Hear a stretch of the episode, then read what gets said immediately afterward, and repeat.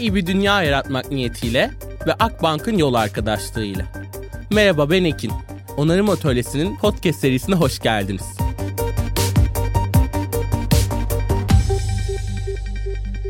Kocaman bir merhabalar. Yine çok heyecanlı bir bölümde, çok heyecan duyduğum bir konuğumla birlikteyim.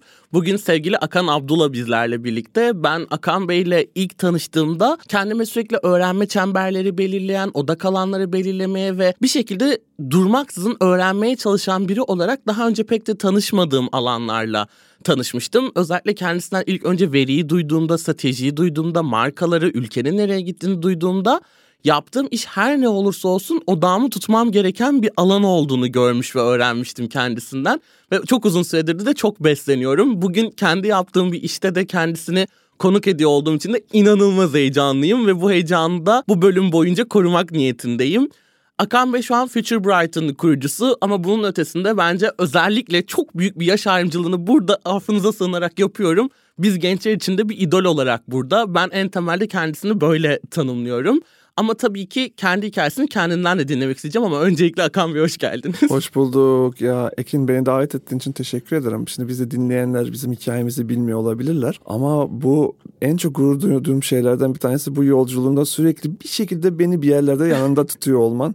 Bu benim için çok değerli. Yaptığın işleri sadece uzaktan takip etmiyor olmayıp da yanında olmak, görmek, bir şekilde onun bir parçası olmak beni çok çok mutlu ediyor. Bir de senin bu bütün bu yolculuğun bu gelişimini görmek de ayrı bir gurur verici. Beni bunun bir parçası ettiğin için teşekkür ediyorum Ekin ya. Çok sağ ol. Bir parçası olduğunuz için sizden duyduğum için ben çok teşekkür ederim. Sizin hikayenizi dediğim gibi ben sizden dinlemek aslında dinleyenlerle paylaşmak çok istiyorum. Özellikle sizin mesele edindiğiniz alanlar nelerdi? Bu mesele alanlarınız bugünkü hikayenizin neresinde? Akan Abdullah kimdir? Evet. Şimdi benim işim veri aslında nasıl anlatsam kitap yazdım bununla ilgili. Onun için anlatmak çok zorlaşıyor. Kitabı yazınca çünkü o ben kitabımda şey demiştim. Benim için bu kendimi anlatacağım bu süreç aslında bir teknoloji kitabı yazdım. Ama kendimi anlattım o sürecin içinde ve bunu bir iyileşme süreci olarak anlattım. Sonra insan iyileşme sürecine girdiği zaman o yaşadığı süreci anlatmakta biraz zorlanıyor. Ben bir veri uzmanıyım ama bugün yaptığım işin hem dünya için iyi taraflarını ama bir taraftan da dünya için kötü taraflarını da anlatmaya çalışıyorum. ne yapıyorum? Aslında işim verinin arkasındaki duyguları okumak en basit haliyle. Eskiden veri bulmak çok zordu Ekin. Şimdi her taraf veri oldu ya. bir veri çöplüğünün içindeyiz ve o veri çöplüğünün içinde doğru damarı bulmak benim işim. Bu işin teknik tarafı. Ama işin kötü tarafı da ve onunla da mücadele ettiğimi düşünüyorum. İşin kötü tarafı da veri çok manipülatif bir şey ve hı hı. çok manipüle edilen bir şey ve dünyayı iyileştirdiği kadar dünyayı hasta eden de bir şey. Çünkü bu veri işleme şeklimiz, insan hakları, dijital haklar vesaire her şey masaya konduğunda bu işin etik bir şekilde yapılmadığı bir dünyanın daha kötü olacağını düşündüğüm için ve öyle bir dünyadan geldim. Ben hep anlatıyorum komünist bir rejimde doğdum, Yugoslavya'da doğdum. Berlin duvarının düşüşünü gördüm. Mutluluk beklerken, özgürlük beklerken iç savaşlarla karşı karşıya kaldım. Ve o sistem ve o rejimin benim etrafımda kurduğu dünyayla bugün veri dünyasının manipülatif tarafında aynı şeylerin yapıldığını gördükçe, şimdi bir örnek de vereceğim. Bununla mücadele etmem gerektiğini düşünüyorum. Dolayısıyla veri uzmanıyım veri işi yapıyorum ama verinin etik kullanılması, verinin etik işlenmesinin de önemli olduğunu düşünüyorum. Örnek olarak neyi kastediyorum? Yani basit bir şekilde söyleyeyim. Şimdi ben doğduğum rejimde benim hayatım çok netti. Ne yapmam gerektiği netti, ne okumam gerektiği netti. Devlet e, belli bir stajdan sonra işimin ne olacağını, e, evimin ne olacağını, nasıl bir hayat yaşayacağımı belirliyordu. Yani ben bir odanın içinde kapalıydım ve aslında seçimimin olmadığını görüyordum. Şimdi e, özgür bir dünyada yaşadığımı tam zannederken tam da kitabın konusu oldu. Bir şok yaşadım. Eskiden benim yaşadığım rejim kendisini binalarıyla, gücüyle gösterirdi ve beni hep uyarırdı. Bütün bireyleri uyarırdı. Ben buradayım. Şimdi çok daha karanlık, bu Star Wars'taki karanlık güç var ya, çok daha karanlık bir taraf var ve bunu o kadar sinsice yapıyor ki uyarmasına bile ihtiyaç duymuyor. Veriyi işleyenlerin ve manipüle edenlerin aslında bizi nasıl bir yankı odalarına sıkıştırdığını, nasıl bir çemberlerin içine sıkıştırdığını ve yine bu sefer seçimimiz varmış gibi hissettirip yine seçimimizin olmadığı bir dünyayı bize yarattığını gördükçe Bununla birazcık da bunun etik nasıl sen bir şeyler için çok mücadele ediyorsan da ben de işimin etik tarafının, kurallarının konması, datanın işlenmesi şekliyle ilgili bir mücadele vermem gerektiğini düşündüğüm için bunun kitabını yazdım, bunun derneğini kurdum. Açık Veri Derneği'nde kuruculardan bir tanesiyim. Sadece bir örnek olarak vereyim. En basit şeyden gideceğim. Artık Facebook mu kaldı diyebilirsiniz ama 100 arkadaşımız olabilir Facebook'ta. Ama arka tarafta bir algoritmalar var ve bu algoritmalar benim bıraktığım yüz üzerinden beni profilliyor ve o yüz arkadaşım içinde kimler bana en çok benziyorsa onları seçiyor ve bütün o timeline'da artık bir tek onları bana gösteriyor. Yani geniş olan o dünyayı daraltıyor ve bir odanın içine sıkıştırıyor ve bu odanın içinde bir tek ben varım ve benim gibi düşünenler var. Bu odalarda bu oda yankı odası deniliyor ve burada kendi sesimiz yankılanıyor. Dünyayı algıladığımızı düşünüyoruz. Bu da bizim bütün o dünya vizyonumuzu, farklılıkları sevme vizyonumuzu çok köreltiyor. Aslında hı hı. Hepimiz sosyal norm olarak farklılıkları sevmemiz, onlara saygı duymamız gerektiğini biliyoruz içimizde. Ama bu dijital dünya buna izin vermiyor. Çünkü farklılıkları bize göstermiyor. Çünkü dijital dünya, bu algoritmik dünya şunu biliyor ki bizim mutlu olmamız için bize benzerlerle bir araya gelmemiz gerekiyor. Çünkü mutlu olduğumuz zaman daha çok tüketiyoruz ve bu algoritmik dünya bize ay bu soruyu niye sordun bana iki sabaha kadar konuşur da ama bitirmek istiyorum sonra da susacağım. Dolayısıyla algoritmik dünya bizi bir odaya kapatıyor ve o odada hiçbir farklılık yok. Dolayısıyla biz sosyal normlar olarak, tutumlar olarak farklılıklarımızı sevmemiz gerektiğini çok iyi anlıyoruz ama davranışlara bunu taşıyamıyoruz çünkü algoritmik dünya buna izin vermiyor. Ve biz bunu 2023 yılında böyle yaşarken ben bunu 1980'lerde bir rejimde yaşıyordum. O da beni bir odaya kapatıyordu. Hı hı. O da farklılıklar kabul etmiyordu. Bir şey belirlemişti. Mükemmel bir vatandaş olmanın tanımını belirlemişti ve bu tanıma uymamı istiyordu. Şimdi o, onun için de bir kitap yazdım. Aslında bir teknoloji kitabı. Algoritmaları anlattığım bir teknoloji kitabı diye yolda çıktım. Sonra bir baktım otobiyografi yazıyorum. ve dedim ki 80'lerle 2023 yılı arasında bir fark görmüyorum. Onun için aslında mücadelem bir data uzmanı olarak mücadelem o datanın işleniş şekliyle ilgili etik kodların ortaya konulması. Ama bu arada şey şu anda Türkiye ne yapıyor? Yasaklayarak bir şeyleri çözmeye çalışıyor. Ben ona karşıyım. Yasaklayarak hiçbir şey yapamazsın. Hatta girişimcini sakatlarsın. Kontrol ederek dijital dünyayı bir yere gidemezsin. Ama nasıl dünya bunun etik tarafıyla NGO'lar bugün nasıl e, akademi dünyası Avrupa Komisyonu'nda bir araya gelip dijital insan haklarını artık tanımlayalım diyorsa bizim de onu yapıyor olmamız gerekiyor ve ben bunun mücadelesini veriyorum. Bir taraftan bir data uzmanıyım ve maalesef kapitalizmin hizmetindeyim açık konuşmak gerekirse çünkü markalar çalışıyorum ama bir taraftan da o datanın işleyiş şekliyle ilgili bir davam var ve bu davayla ilgili bir mücadele ediyorum. Nereye kadar gidebiliriz? Sınırlarımızın belli olması gerekiyor. Nerelerde insan haklarına karşıt bir iş yapmaya başlarız? Sınırımız nerededir? Bunu belirlememiz gerektiğini düşünüyorum. Bununla ilgili bir açık veri derneği de kurduk ve bunun mücadelesini veriyorum. Onun için bir veri uzmanıyım ama mücadelem etik bir veri işleme dünyasına çok hızlı gelmemiz gerektiğiyle ilgilidir. Çok uzun anlattım özür dilerim ama öyle bir soru sordum ki benim için Pandora kutusu gibi bir şey. Herhalde biraz vicdan azabı mı yaşıyorum bilmiyorum Ekin. Çünkü sürekli bir açıklama ihtiyacı duyuyorum. Çünkü ben o işin kalbindeyim. Ben veri işliyorum ve markalara veri işleyerek aslında paramı kazanıyorum. Herhalde birazcık vicdan azabı da yaşıyorum ki bir taraftan da bu işin nasıl yapılması gerektiğiyle ilgili sınırlarımız nerede olması gerekiyor? Nerelere kadar işleyebiliriz ve neyi işleyemeyiz? Nasıl insanların farklılıklarını kabul etmemiz gerekiyor? Nasıl bu yan kodalarıyla mücadele ediyor olmamız gerekiyor? Çünkü o zaman senin işin zorlaşıyor Ekin. Çünkü sen mücadele ediyorsun farklılıkları sevme ve şey noktasında. Ama benim gibi veri işleme dünyasının o ben yine etik taraftayım. Etik olmayan taraftaki insanlar senin işini zorlaştırıyorlar onu söyleyeyim. Hepimiz sosyal norm olarak farklılıklarımızdan beslendiğimizi biliyoruz ama işte davranışlarda senin gibi insanlara ihtiyacımız var. Çünkü davranışlarımız bu değil. Bu değil. Onun için Pandora kutusunu açtım ben kapatayım. Diğer şeylere sorulara gelirim çünkü sabaha kadar anlatırım. Çok herhalde şu anda düşünüyorum bir vicdan azabı yaşıyorum herhalde. Bu kadar mücadele ediyorsam. demek ki ben de bir taraftan sorguluyorum. Bir işim bu işimin sınırı nerededir? Ve bu sınırı nasıl koyacağız? Çünkü bazı sınırların konulması gerekiyor ama devletin yaptığı gibi değil. Yasaklar, kapatmalar bu değil. Ya bu çare değil. Bu başka şeyleri sakatlıyor çünkü. Çok teşekkürler. Çok önemli. Her şeyin temelini almamız gereken etik sorusunu. Bugün vicdanınızı rahatlatacak şeyler de soracağım lütfen, size. Markalar. Lütfen beni rahatlat Ekin. Çünkü bu değil. Bu olmaması gerekiyordu.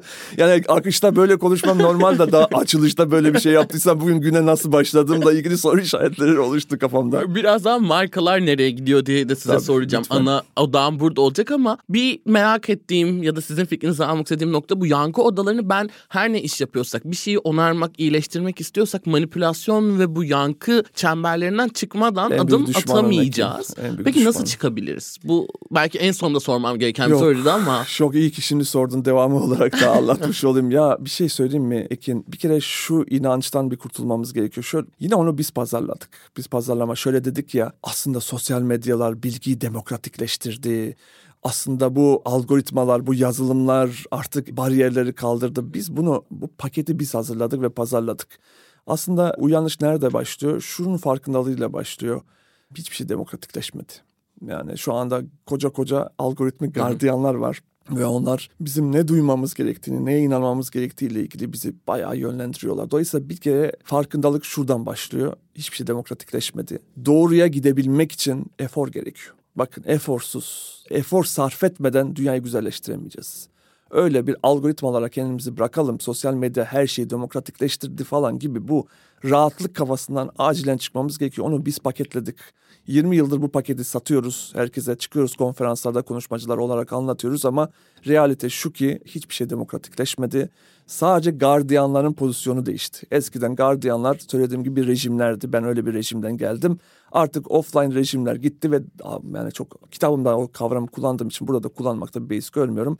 Ya böyle devam ederse biz dijital diktatörlüklere doğru gidiyoruz. Devasa şirketler senin hangi bilgiyi alman gerektiğini, neye inanman gerektiğini seni yönlendiriyor. Dolayısıyla bir, bir kere farkındalıkla başlayacağız. De, hiçbir şey demokratikleşmedi. Demokrasi mücadele edilmesi gereken bir nimettir. Öyle bırakarak Hı hı. birilerine demokrasi gelmez. İki, şunu bilmemiz lazım ki e, bu gardiyanlar seni nasıl yönlendiriyor? E senin beyin zaaflarından yararlanıyorlar. Şimdi bizim beyin zaaflarımız, zihin zaaflarımız ne? Bu bir zaaf. Bana benzerle bir arada olduğunda mutlu oluyorsan bu bir zaaf. Ve hepimiz bu zaaflarda doğuyoruz. Bunlar bizim beynimizin zaafları. Bu zaaf sende de vardı ilk. Ama bu süreçte sen kendini yetiştirebildin ve çıkardın bu zaaftan. Buna emek sarf etmemiz gerekiyor. Yani şöyle söylüyorum bir programda söylemiştim sana bana çok kızdılar bazıları bu aralar çünkü bir sürü problemler olduğu için Türkiye'de. Irkçılıkla aslında ırkçılık beynimizin bir kolay tarafı. Yani biz aslında ırkçılıkta doğuyoruz. Çünkü bir şeyi paketlemek ve birilerine kötü demek ve onun üzerinden referans kendine kurabilmek işin kolay tarafı. Irkçılıkta doğarız, ırkçı olmaktan kendimizi eğiterek kurtuluruz. Dolayısıyla efor gerekiyor, emek gerekiyor, anlamak gerekiyor vesaire. Onun için nasıl bir efor? İşte şunu bileceksin ki arkadaki algoritma senin şu zaafından yararlanıyor. Sana benzerlerle bir arada oldun ki mutluluğunu bir zaafsa bunu beslemeye çalışıyor. E o zaman sen duracaksın ve diyeceksin ki ben bu yankı odasını kabul etmiyorum. Benden farklı düşünenler ne yapıyorlar? Onlar ne düşünüyorlar? Onların dertleri ne? Ben onların dertleriyle nasıl dertlenirim? Aynı fikirde olmayabilirim. Bazen hiç fikrimi de değiştirmek zorunda değilim. Ama saygı duymak zorundayım. Yani farklı fikirlerle bir araya geldiğimde şunu da bilmek zorundayım. O zaman besleniyorum. Herkesin aynı düşündüğü bir yerde beslenme olmaz ki. Bir de şöyle tolerans ve empati ki bugün bolca konuşalım lütfen empatiye. Çünkü o dünya özellikle bu yeni jenerasyon empatiye ve şefkat duygusuna çok önem veriyor. Yani temelde duygusal zekana yatırım. Yine altını çiziyorum. Yapmak zorundasın. Kimse sana duygusal zekanı vermeyecek. Hatta duygusal zekanı köreltmek için bu sistem elinden geleni yapacak. Hep altını şunu çiziyorum. Yankı odalarından çıkmanın tek yolu var. Emek, efor, efor, efor. Farklılıkların peşine koşmak. Fikir değiştirmesen bile farklı olanı dinleyebilmek, farklı olana saygı duymak, bilgide bir demokrasi olmadığını, bir gardiyanın karşında olduğunu bilmek ve bilginin peşinde koşmak, aynı fikirde olmadığın insanları çok basit bir örnek. Twitter'da takip edebilmek. Ya fikrimi değiştirmedim ama en azından onu dinleyebilirim diyebilmek. Fikrimizi bazen değiştirmek ve değiştirmekten de gurur duymak. Ben duvar değilim ya. Ben değişirim. Sevebilirim. Bugün sevmediğimi yarın sevebilirim diyebilmek. Onun için aslında temelde hepsinin temeli aynı şeye dönüyor Ekin. Yeni dönemde yankı odasından çıkmak istiyorsan çok çalışman lazım. Çünkü diğeri çok kolay. Teslim et kendini. O zaten seni yönlendiriyor ve orada öyle bir sahte mutluluk var ki ve beynimiz zaten mutluluk peşinde koşuyor. O sahte mutluluğa değmez diye biliyor olman lazım. Onun için çok çalışmak gerekiyor. Çok teşekkürler. Sanırım burada da niyet ettiğimiz onarmanın da tek yolu buradan geçiyor. Ya bir şey söyleyeyim mi ya? Seni koridorda konuşurken söyledim. Burada da söylemek istiyorum. ya bu onarmak ismi o kadar değerli ki o kadar mest oldum gördüğümde böyle bir yapıyı kurduğunu. Koridorda söylediğimi burada da söylemek istiyorum. Herkes de duysun. Çünkü biliyor musun ne oldu ya? İkinci sanayi devrimindeki değerlerle ben şimdi 44 yaşındayım. Sen de 22 yaşındasın. Yani senle benim değerlerimiz o kadar farklı ki ben ikinci sanayi devriminin bir ürünüyüm. Ben yavaş yavaş geçmişe doğru gidiyorum. Benim yok olmam gerekiyor. Senin değerlerinde gelmesi gerekiyor. Çünkü bak Covid'den çıktık. Ekin neden çok önemli bir şey yaptığını örnek olarak vereceğim. Ve ben ikinci sanayi devriminin liderleri olarak biliyor musun tam bir buçuk senedir agility resilience, agility resilience şimdi bunu Türkçesinde vereceğim. Herkes bilmek zorunda değil. Güçlü kalmak, esnek olabilmek. Bunlar önemli değerler ama bunu ikinci sanayi devriminin referansları üzerinden anlatırsan şöyle bir noktaya doğru götürdük. Senin eski üretim kabiliyetini koruyabilmek için senin güçlü olmaya itiyor olmam gerekiyor. Hı hı. Ama sen Covid de şey sırasında sen sen dedim seni sen sembolize ettiğin gençlikten bahsediyorum. Sen hiç bugüne kadar görmediğin bir dünya ile karşı karşıya kaldın. Hatta onu yitirilmiş yıllar olarak görüyorsun gençlik olarak ve sen sadece etkin üretime inanmıyorsun ve şöyle söyleyeyim incindin ve sana benzer kitleler incindiler ve biz çıktınız siz bu Covid'den ve biz geldiniz önümüze ve biz dedik ki niye inciniyorsun? Senin güçlü olman lazım, esnek olmak lazım. Oysa ki senin jenerasyon şu anda incindi ve onarıma ihtiyacı var. Ve onarım başlığını görünce o kadar mest oldum ki. Çünkü sen bu maili atmadan bir senedir ben bunu anlatıyorum. İnsan hı hı. kaynaklarını anlatıyorum. Diyorum ki onarmak üzerine gitmediniz her tarafa duvarlara agility yazdınız. Yani insanların sırtına şunu koydunuz. Bir şeyler iyi gitmedi ama bu senin suçun. Sen yeterince esnek olmadın. Oysa ki öyle bir devasa sırtımıza bir şey kondu ki Covid ekonomik krizin dibindesin. Yani insanlara insanların bu kadar incindiği bir dünyada incinmişliği kabul etmemek, kırılganlığı kabul etmemek yanlış bir yere götürdü. Onun için bizim şu anda onarım dönemine ihtiyacımız var ve şirketlerin de, markaların da, kurumların da, NGO'ların da, sosyal sorumluluk projelerinin de bir onarma duygusuna gelmiş olması gerekiyor. Önce seni dinlesinler bu markalar. Ya biraz kabul edelim ya. İncinmişlik niye kabul etmiyoruz? Niye bu kadar az empatimiz var? Niye insanlar incinmiş bir insanı kabul etmek istemiyorlar? Çünkü ikinci sanayi devrimi. Çünkü ikinci sanayi devrimde bu kabul edilemez bir şey. İkinci sanayi devrimde etkin üretime zarar verecek her şey yok edilmelidir. Oysa ki sizin geldiğiniz, sizi oluşturan malzeme dördüncü sanayi devrimin malzemesi. Şöyle bir örnek de vereceğim. Neyi kastediyorum? Soruyorum en önemli değerlerinizi şu an senin yaşındakilere. Hep söylüyorum eşitler arasında bilinci gibi bir kavram Hı-hı. çıkıyor önümüze. Eşitler arasında bilinci ne demek? İnsanı yaşama koşullarında kim olursan ol, neye inanırsan inan nasıl bir yaşam tarzın olursa olsun eşitlik istiyorsunuz. Belli bir seviyede insanı yaşama koşullarında eşit olmalıyız. Ama eşitler arasında bir de birincilik var. Birincilik ne? Hepimizi ayrı yapan, farklı yapan bir birinciliğim de var, bir yeteneğim var. O beni özel yapıyor. Onun da görülmesini ve standartize edilmemesini istiyorsunuz. Evet. Şimdi bu değerlerle bizim değerlerimiz birbirini tutmuyor. Şimdi bakma sen bütün şirketler vesaire şimdi işte farklılıklar falan filan benim jenerasyonum şu anda yönetici jenerasyonu ya, ya aslında senin jenerasyonunu bastırmaya çalışıyoruz. Bak bunu çok söylemez yöneticiler. bastırmaya çalışıyoruz. Biz şey gibi görüyoruz yani bir kalkışma gibi görüyoruz senin jenerasyonu ve bakma sen böyle televizyonlarda şeylerde böyle iletişimini yaparken böyle anlatmıyoruz ama benim jenerasyon yöneticiler seninkilerden çok korkuyorlar. Ve şu anda bastırmaya çalışıyorlar. Yani dördüncü sanayi devriminin ikinci sanayi devrimine çekip bizim değerlerimize sizin inanmanızı sağlamaya çalışıyoruz. Ama şunu söyleyeyim beyhude çabalar. Yani çünkü gittikçe ço çoğunluk siz olduğunuz için yani büyüyor şu anda başkaldırı. Şehirler, şirketler yanıyor şu anda ve biz azınlık olmaya ramak kaldı. Azınlık olduğumuz zaman bu başkaldırı başarılı olacak ve biz ikinci sanayi devrimi olan yöneticileri aman Allah'ım biz ne yaptık dördüncü sanayi devriminin değerlerini anlamak zorundayız noktasına gelmek zorundayız. Onun için dördüncü sanayi devriminin önemli bir değeri olan onarımı hep birlikte konuşacağız. Kırılganlığı kabul etmeyi, incinmişliği kabul etmeyi, konuşabilmeyi vesaireyi konuştuğumuz bir dünyaya doğru gideceğiz. Onun için onarım çok doğru bir yer. Bunu anlatman lazım bizlere. Çok teşekkür ederim. Burada bırakalım diyormuşum. buraya kadar yeter. Buraya kadar da. ve çok teşekkür ederim. Çok da özeldi. Kesinlikle onarmayı ve mevcut halin kötü olduğunu konuşmayı başlamak da burada. Yani bugün sürdürülebilirlik, sürdürülebilirlik diyoruz ama sürdürmenin de artık yetmediği bir dönemdeyiz. Neyi, neden, ne kadar daha sürdürmemiz gerekiyor bunu konuşuyoruz ve doğru için efor sarf etmek gerekir dediniz. Bu çok çok kıymetliydi. Çünkü hep ben anlattığım konularda bana özellikle şirketlerden bu ütopya konusu, bu gerçekçi değil derken hayır varılacak üzerine İkinci efor sarf etmemiz. İkinci sanayi devrimcileriyle konuşuyorsun unutma. Ezmek istiyoruz seni. Bakma sen sana çok nazik davranıyoruz ama bir taraftan senin bu ütopyan bizi korkutuyor. Ama sen kazanacaksın. Teşekkür ederim. Ve sen kazanacaksın rahat bu, ol. Bu noktaya eforla gitmek gerekirken ve ben en azından ve benim gibi birçok insan bunun için çalışırken Markalar ne durumda? Biraz onu da sizden duymak çok istiyorum. Yani herkes sürdürülebilirlik diyor, herkes bir strateji koyuyor, herkes bir iletişim, reklam çalışması yapıyor. Ülke olarak, markalar olarak bu sürdürülebilirlik konusunda neredeyiz, ne yapıyoruz? ve önce globalden bir başlayayım. Bir kere markaların gerçekten nerede olduğunu ve nereye gideceğini söyleyeyim. Sürdürülebilirlik konusu yeni değil. 50-60 yıldır var. Ama nasıl çıktı biliyor musun ilk sürdürülebilirlik konusu? büyümenin sürdürülebilirliğini nasıl sağlayacağız? Böyle çıktı. Sürdürülebilirlik kapitalizm çıkardı. Ve dünyayı iyileştirmek için çıkarmadı. Büyümenin devamını sağlamak için. Şimdi geldiğimiz noktada anladık ki büyüme sürdürülebilirliğin düşmanı. Realite konuşalım. Ama markalar ve kapitalizm büyümeyi şey yapmak zorunda, desteklemek zorunda. Valla çok iddialı bir şey söyleyeceğim şu anda sana. Hı hı. Bir kere şunu söyleyeyim. Türkiye Covid'den önce sürdürülebilirlikle hiçbir ilgisi olmayan bir ülkeydi sürdürülebilirlikle ilgili Türkiye'nin sadece yüzde bir buçuğu ilgileniyordu. Yüzde bir buçuk için biz sürdürülebilirlik konuşuyorduk. Sonra Covid oldu. Covid korkunç bir şey olmakla birlikte hayırlı şeyler oldu. Yani yüzde kırk üçe çıktı. Yani Türkiye'nin yüzde kırk üçü sürdürülebilirliğe önem verir hale geldi. Bu arada sürdürülebilirlik demiyor halkımız. Halkımız vatanın kendine yetmesi diyor. Ne derse desin. Yeter ki desin. Ee, şimdi bu rakam yüzde yetmişlere çıktı. Yani özellikle orman yangınlarından sonra Türkiye bir uyandı. Şimdi bu iyi haber. Ama şimdi sürdürülebilirlikte de dördüncü sanayi devriminin ürünleri sizlerle, ikinci sanayi devriminin ürünleri bizler arasında çatışma çıkıyor. Tamam mı?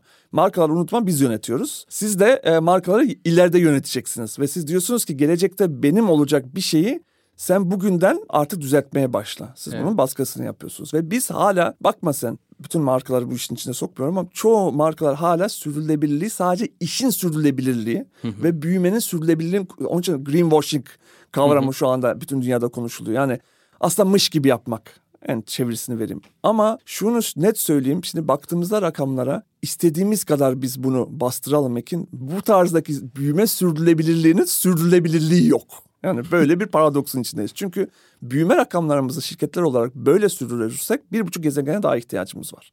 Böyle bir gezegen yok. En azından bir 50 yıl daha şeye gitmeyeceğimize göre, uzayda gezegenleri gezmeyeceğimize göre şu anda büyümenin sürdürülebilirliğini başka bir şeye döndürmemiz gerektiğini net olarak anlıyoruz. Böyle bir büyüme mantığıyla sürdürülebilirlik olamaz. Onun için ben iddialı bir şey söylüyorum, söyleyeceğim şu anda. İnşallah da haklı çıkarım. Böyle bir fütürizm yapmayı çok sevmiyorum ama net bir şekilde büyümenin ve karlılığın artışının ayıp olduğu bir dünyayı tam olarak oturtmadan, bu işin sınırlarını koymadan biz toparlayamayacağız. Şirketler karlı olmak zorundalar. Yanlış anlaşılmasın. Ama ultra karlı olmanın ayıp olduğu bir norm dünyasına, bir sosyal norm dünyasına gelemezsek biz hiçbir şey yapmamış olacağız. Herkes bir greenwashing dünyasında, herkes bir mış dünyasında yaşayacak. Ve ben iddia ediyorum ki 10-15 sene sonra çok kar eden, hedeflenen karın üstünde kar eden şirketlerin CEO'ları çıkıp halktan özür dileyecekler. Ve diyecekler ki biz yanlış yaptık. Kaynaklardan almamamız gerektiği kadar çok aldık ve biz bununla ilgili özür diliyoruz ve bunları bunları yapacağız bu parayla. Onun için büyümenin sürdürülebilirliğindeki o büyümeyi makul bir noktaya getirmeden büyüme lazım bu arada ekonomik yürüsün diye. Maalesef kapitalist değerlerin yerine başka bir değer koyamadığımız için komünizm denendi, fail etti, olmadı yeni bir bu liberal özellikle neoliberal dünyanın yerine yeni bir sistem gelmediği sürece elimizde bu var. Bu sistemde aslında karlılık gerektiriyor. Bunun için karlılık bitsin demiyorum. Ama bunun makullüğünü ortaya oturmadan dünyanın kaynaklarından her canlının eşit bir şekilde hakkı olduğu paylaşımı sağlamayan, daha çok koparan, daha çok isteyen bir dünyadaki bu normları düzeltmez isek bu greenwashing, bu mışlık dünyası devam edecek. Ben umuyorum ve inanıyorum ki bizler şirketler olarak bu baskı bizim üzerimizde büyüdükçe dünyada biz şunu oturtacağız masaya. Büyümek nedir? Makul büyümek nedir? Makul kar nedir? Makul olmayan kar nedir? Bunlara bir sosyal normlara döndüreceğiz ve şirketler halka açıldıkça ve bütün bu rakamlar dünyada ortaya yığıldıkça insanlar bize hesap soracaklar yani artık Apple inanıyor musun 300 milyar dolara kasasında var dediğimizde bu bir utanç vesilesi olacak. Yani demek ki abartılmış. Demek ki bir yerlerde birileri hak etmediği kadar kaynaklardan pay almış ama Afrika alamamış. Bir evet. sürü ülke alamamış. Bunun ayıp olduğu bir dünyayla karşı karşıya bir norm haline gelince işte o zaman gerçek bir sürdürülebilirlik konuşmaya başlayacağız. Ama dediğim gibi bu aslında şuradan geçiyor. İkinci sanayi devrimindeki bizlerin emekli olması ve sizin bu şirketleri ele geçirmeniz ki öyle olmak zorunda. ele geçirdiğiniz zaman da bu büyümenin sınırlarını bugüne kadar çıkı sürülebilir büyümenin sınırlarını kaldırmak gibi görüyorduk. İleride büyümeye nasıl bir sınır koyabiliriz gibi bir muhabbete geçtiğimiz zaman o zaman greenwashing'den çıkacağız. O zaman mışlardan çıkacağız ve gerçek bir onarım kafasına gireceğiz gibi geliyor bana. Daha iyi bir dünya yaratmak niyetiyle ve Akbank'ın yol arkadaşlığıyla onarım atölyesine kaldığımız yerden devam ediyoruz.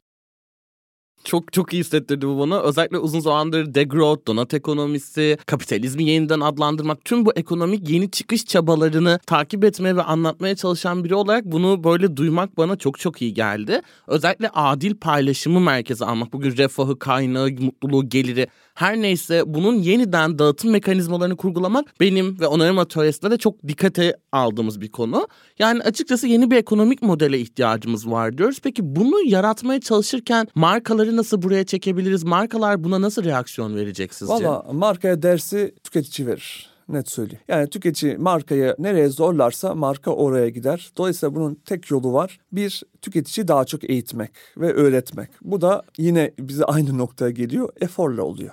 İşte efor tabii ki tüketici kendi kendine öğrenmeyecek. Bakma o biraz ütopik olur. Onlara bırak farkındalık oluşturalım. Beyin öyle onu sevmiyor. Beyin kolaylığı seviyor. Beyin yan kodalarını seviyor. Beyin yan kodalarını sevdiği için yan kodaları var. Onun için tüketiciye yardımcı olması gerekiyor birilerinin. Dolayısıyla bu işin bu işi yapanların artması gerekiyor. Farkındalık oluşması için farkındalığı oluşturan insanların sayısını artırmamız gerekiyor. Yoksa tüketici kendi kendine ya da beyin kendi kendine ben ne yapıyorum ya beni yan kodalarında tutuyorlar galiba demeyecek. Beyin diyor ki enerji harcamamanın bir yolunu benim için bulabiliyorsan ona git. Yani çünkü beyin zaten toplam beden ağırlığımızın yani herkesin bildiğini söyleyeyim yüzde ikisi toplam enerjimizin yüzde otuzunu harcıyor. Dolayısıyla beyin sürekli uyumadığı için ve rölantide çalıştığı için beyin, beynin aslında statikoyu koruma gibi bir görevi var. Çünkü statikoda enerji harcanmıyor. Dolayısıyla statiko şu anda dünyadan yana değil. Sürülebilirlikten de yana değil. Dolayısıyla beyin aslında farkındalık oluştur demiyor bize ya su nereye akıyorsa oraya git falan diyor. Hı hı. Onun için farkındalığı şey romantizm yapmayacağım. Farkındalığı tüketici kendisi oluşturmayacak. Farkındalığı oluşturacak insanların sayısını artıracağız. Onlar tüketiciyi eğitecekler. Tüketici baskı kuracak markaya. Marka tüketici baskısından öğrenir. Bakma sen şimdi tabii ki hep beraber şey sosyal sorumluluklar projeleri yapıyoruz. Tabii ki markalar bunlara hı hı. inanıyorlar, inanmıyorlar demiyorum. Ama günün sonunda bu işin sırrı tüketicinin marka üstündeki baskıyı artırmasından geçiyor. Onun için tüketiciye eğiteceksin. Tüketici kendi markasına baskı yapacak, marka değişecek. Çok çok teşekkürler. Bu noktada yani FutureBrand sanırım artık 700'den fazla markayla çalışıyor tüm geçmişi boyunca. Sahiden gerçekten bir amaç arıyor mu markalar? Yüzde yüz. Şöyle söyleyeyim. Aramak zorundalar. Bunu bu arada tüketici zorluyor oralara. Hı-hı. Yoksa markalar, şimdi herkes bir amaç, purpose falan diyoruz ya. Hı-hı. Herkes bu dünyaya girdi markalar. Markalar bunu bir sabah uyanıp da aa biz niye amacımız yok? Aslında daha iyi şeyler yapmalıyız falan demediler tüketicinin belli bir kitlesi bunu demeye başladı. Hala azınlık bir kitle onu da söyleyeyim. Ama öyle çabuk ve hızlı geliyorlar, öyle büyüyere geliyorlar ki markalar bir kere şunu iki tane duygu görüyoruz biz. Kendi datamızda görüyoruz. Özellikle Covid'den sonra iki tane duyguda beklenti var tüketicide. Bir, şeyi anlattığım için oraya çok girmeyeceğim. Yani kırılganlık duygusu Hı-hı. vesaire. İki duygu görüyoruz. Bir, yeniden güven bu bir. Hı-hı. İkinci şefkat, empati.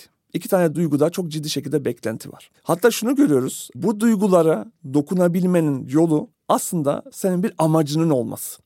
Çünkü nasıl bir markayı daha şefkatli hale gelirse fiyat düşürerek şefkatli hale gelmezsin ki. O zaten onu senden bekliyor. O artık hijyen olmuş durumda. Bir marka nasıl şefkatli olur? Şefkatli bir amacı olarak olur. Yani markalar bu amaca bir sabah uyanıp da aman Allah'ım biz neler yaptık bu dünyaya diyerek gelmediler. Yani kapitalizmde öyle bir şey yok. Şöyle geldiler ya burada bir şey var bir kitle var. Bu kitle çok hızlı şekilde büyüyor.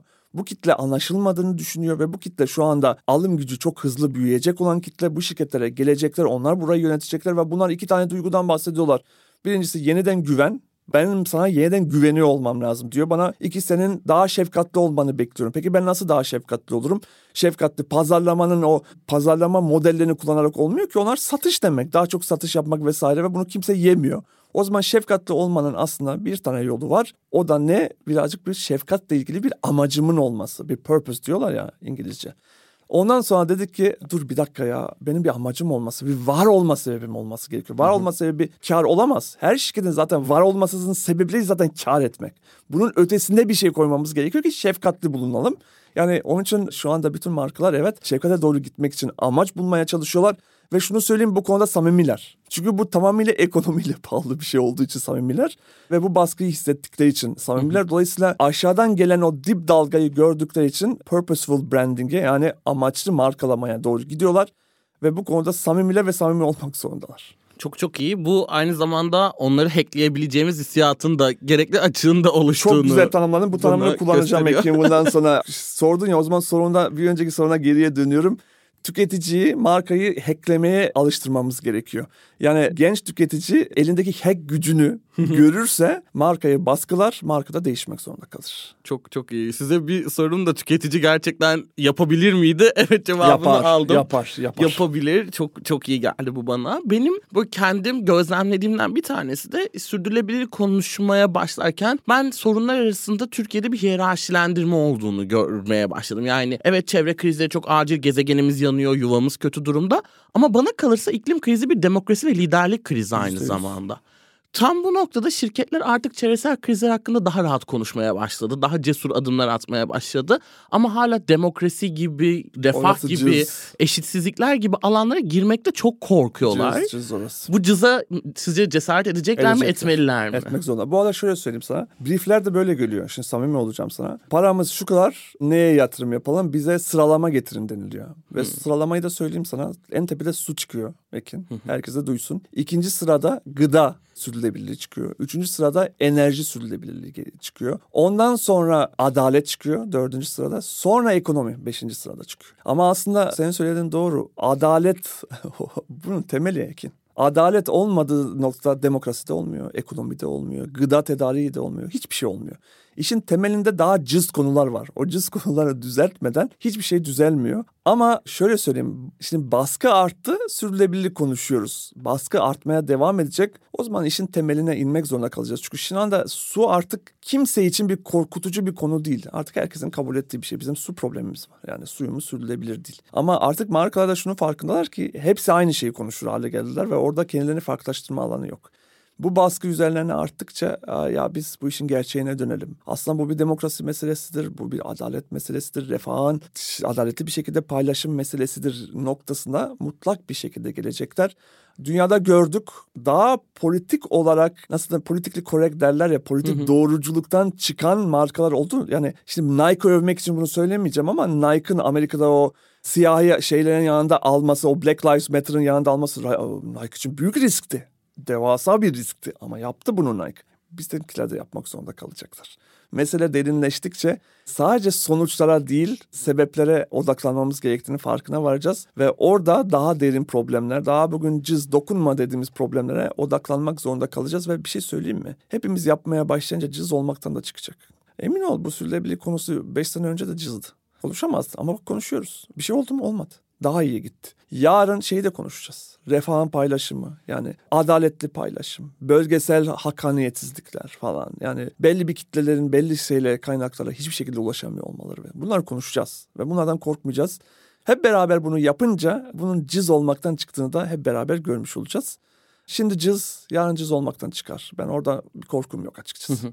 Peki yani bu bir reçete beklentisiyle sormuyorum bunu ama bugün bu cız olmama haline giderken bu taşları nasıl döşeyebiliriz? Yani özellikle bireyler, gençler neler yapabilir bu noktada? Çünkü korkuyoruz işin korkuyoruz, açıkçası. Korkuyoruz, Yani şimdi çok yani çok jenerik bir şey söylememeye çalışıyorum. Çünkü kolay sana konuşmak demesinler gençlerimiz. Çünkü çok çok şeyden geçtiler. Dolayısıyla ben çünkü özellikle bu aralar motivasyon konuşmacılarına kızgınım. Ve şimdi oradan da bir motivasyon konuşmacısı olarak da bu programdan çıkmak istemiyorum Ekin. Yani ama biz gençlerin cesaretinden çok motive oluyoruz. Anlatabiliyor muyum? Ve bu cesaret bizde yok. Yani bu cesaret bizde yok. Benim yaşımdakilerde artık hiç yok. Biliyorum bunu demek belki biraz haksızlık. Yani çünkü şöyle diyebilir gençler. Ulan her şeyin içine siz ettiniz tamam mı? Cesareti bizden bekliyorsunuz. Ama maalesef başka çaremiz olmadığı için siz cesaret gösterdikçe, siz boş vermeyeceğim dedikçe ki bu arada bütün matematik boş ver duygusuna oynuyor şu anda. Siz ben boş vermeyeyim dedikçe bize de cesaret geliyor. Onun için bir motivasyon konuşmacısı gibi durduğumun farkındayım ve bundan çok nefret ediyorum. Ama bizden cesaret beklemeyin. Biz sistemin insanları çoktan olduk. Yani anlatabiliyorum sistem bizden büyük. Üzgünüm o bunu yapmanın tek yolu var sizin boş vermemeniz. Yani o cesareti biz sizde gördükçe biz de sizden cesaret alaraktan sonra hareket ediyoruz ve bir şeyleri değiştirmeye çalışıyoruz ve o cız olmayan konuların içine giriyoruz. Ama maalesef cız olan konulara ilk sizin dokunmanızı bekleyeceğiz. Lütfen bana seni dinleyenler kızmasınlar. Ama böyle. Maalesef bu böyle. Sizin cesaretinizden biz motive olacağız. Çok bu benim kişisel hayatımda da yaşıtlarımın hayatlarında da gördüğüm bir nokta. İşte o kocaman şirketlerin hiç sevmediğimiz 40 katlı yapıların herhangi bir katında Devasa binaların. daha daha önce hiç konuşulmayan konuları ilk kez seninle konuştuk Ekin. Duygusunu duymak bana çok çok iyi gelmişti. Yani bunu birçok arkadaşımla duymakta Bir de da. şey demiş biliyor musun biraz bahaneye de ihtiyacımız var Ekin. e ne yapalım gençler böyle istiyor dememiz lazım. Biz de aslında değiştirmek istiyoruz bazı şeyleri yanlış anlaşılmasın. Biz hiçbir şey istemiyoruz diye bir şey yok. Bizde sistemin artık şey vardır ya e, Cohen'in şarkısı Everybody Knows. Hepimiz biliyoruz sistemin çürüdüğünü.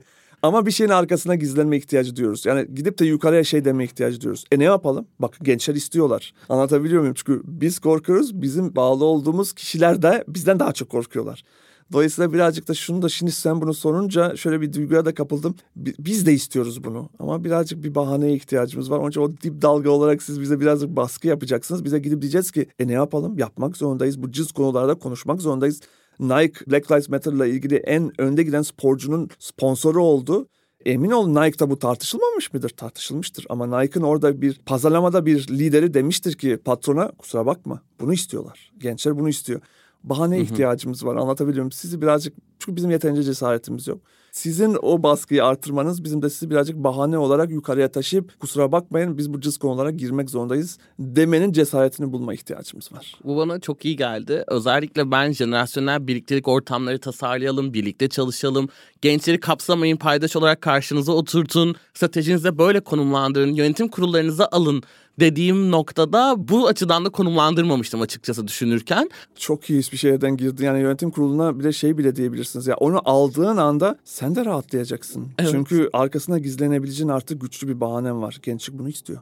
Onu birebir duyacaksın orada. Ve bu senin de elini rahatlatacak. Bu senin elini zora sokmayacak. Çünkü oradaki yönetim kurulu şunu düşünüyor. Ya bunlar bir şey talep eder yarın başımız belaya girer. Hayır. Onun talepleri zaten tüketici talepleri olacağı için senin elini rahatlatacak. Yani şu ana zor gibi görünen şey yarın seni hayatta tutacak olan şey olacak. Onun için evet bunu yapsınlar. Bu en azından onlara o cız konularına girme kapısı açar. Kusura bakmayın gençlik bunu istiyor der. Yani Çok çok iyi. Bunu soracaktım yani markalar sizce buna hazır mı? Bu kadar jenerasyonel birlikte çalışmaya hazır Diller mı ama e, diller ama hazır edeceksin. Yani farkına varacaklar ki girmek zorundalar o konulara ve bir bahaneye ihtiyaçları var. Bahane nerede? E, gençlik orada.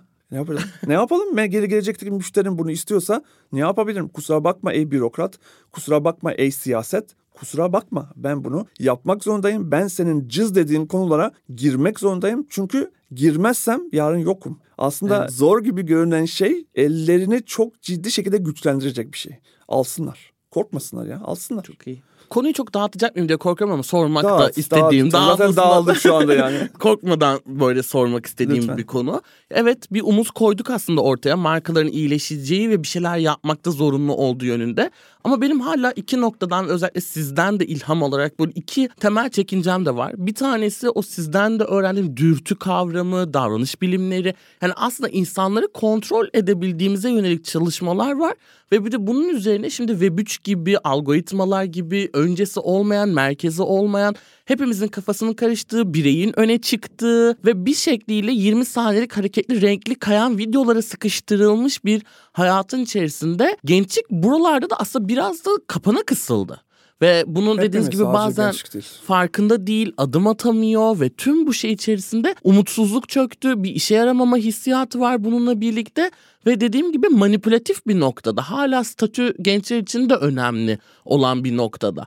Bunları aşmak bu algoritma çağından onarıcılık ve sürdürülebilirlikle yarasız çıkmak imkansız ama nasıl bir çıkış yolu özellikle gençler için sizce var? Vallahi yine aynı noktaya geliyoruz. Yani bu arada çok en zor yerden açtın soruyu şu anda. Şu anlamda evet dürtülerimiz var. Evet zaaflarımız var. Evet beynimiz mükemmel değil. Hatta çok sorunlu bir makine ve 100 yıldır neredeyse hadi 100 yıl demeyeyim 60-70 yıldır bütün bu zaaflarla ilgili deli gibi araştırma var. Yani yapılan öyle şeyler var ki pazarlama dünyasında. Yani biz artık insanları nasıl manipüle edeceğimizi biliyoruz. Yani Bernie'sin kadınlara nasıl sigara içireceğiz? Hep erkekler sigara içiyor. Yani pazarı büyütmek için kadınlara sigara içirmemiz gerek briefini aldığında e o zaman ben sigarayı kadının çünkü kadının sigara içmesi ve sokakta sigara içmesi aslında ayıp olarak kodlandığı için Amerika'da 50'lerden bahsediyoruz. Bernie'sin o zaman ben sigarayı kadının erkeğe baş kaldırısı ve özgürlük şeyi olarak gösteririm ve kadını tamamıyla o sigara içerkenki o fotoğraflarını güçlü kadın olarak konumlandırırım deyip kadınları sigaraya sevk edip zehirlemesi ve dünyayı daha ölümlü hale getirmesi gibi.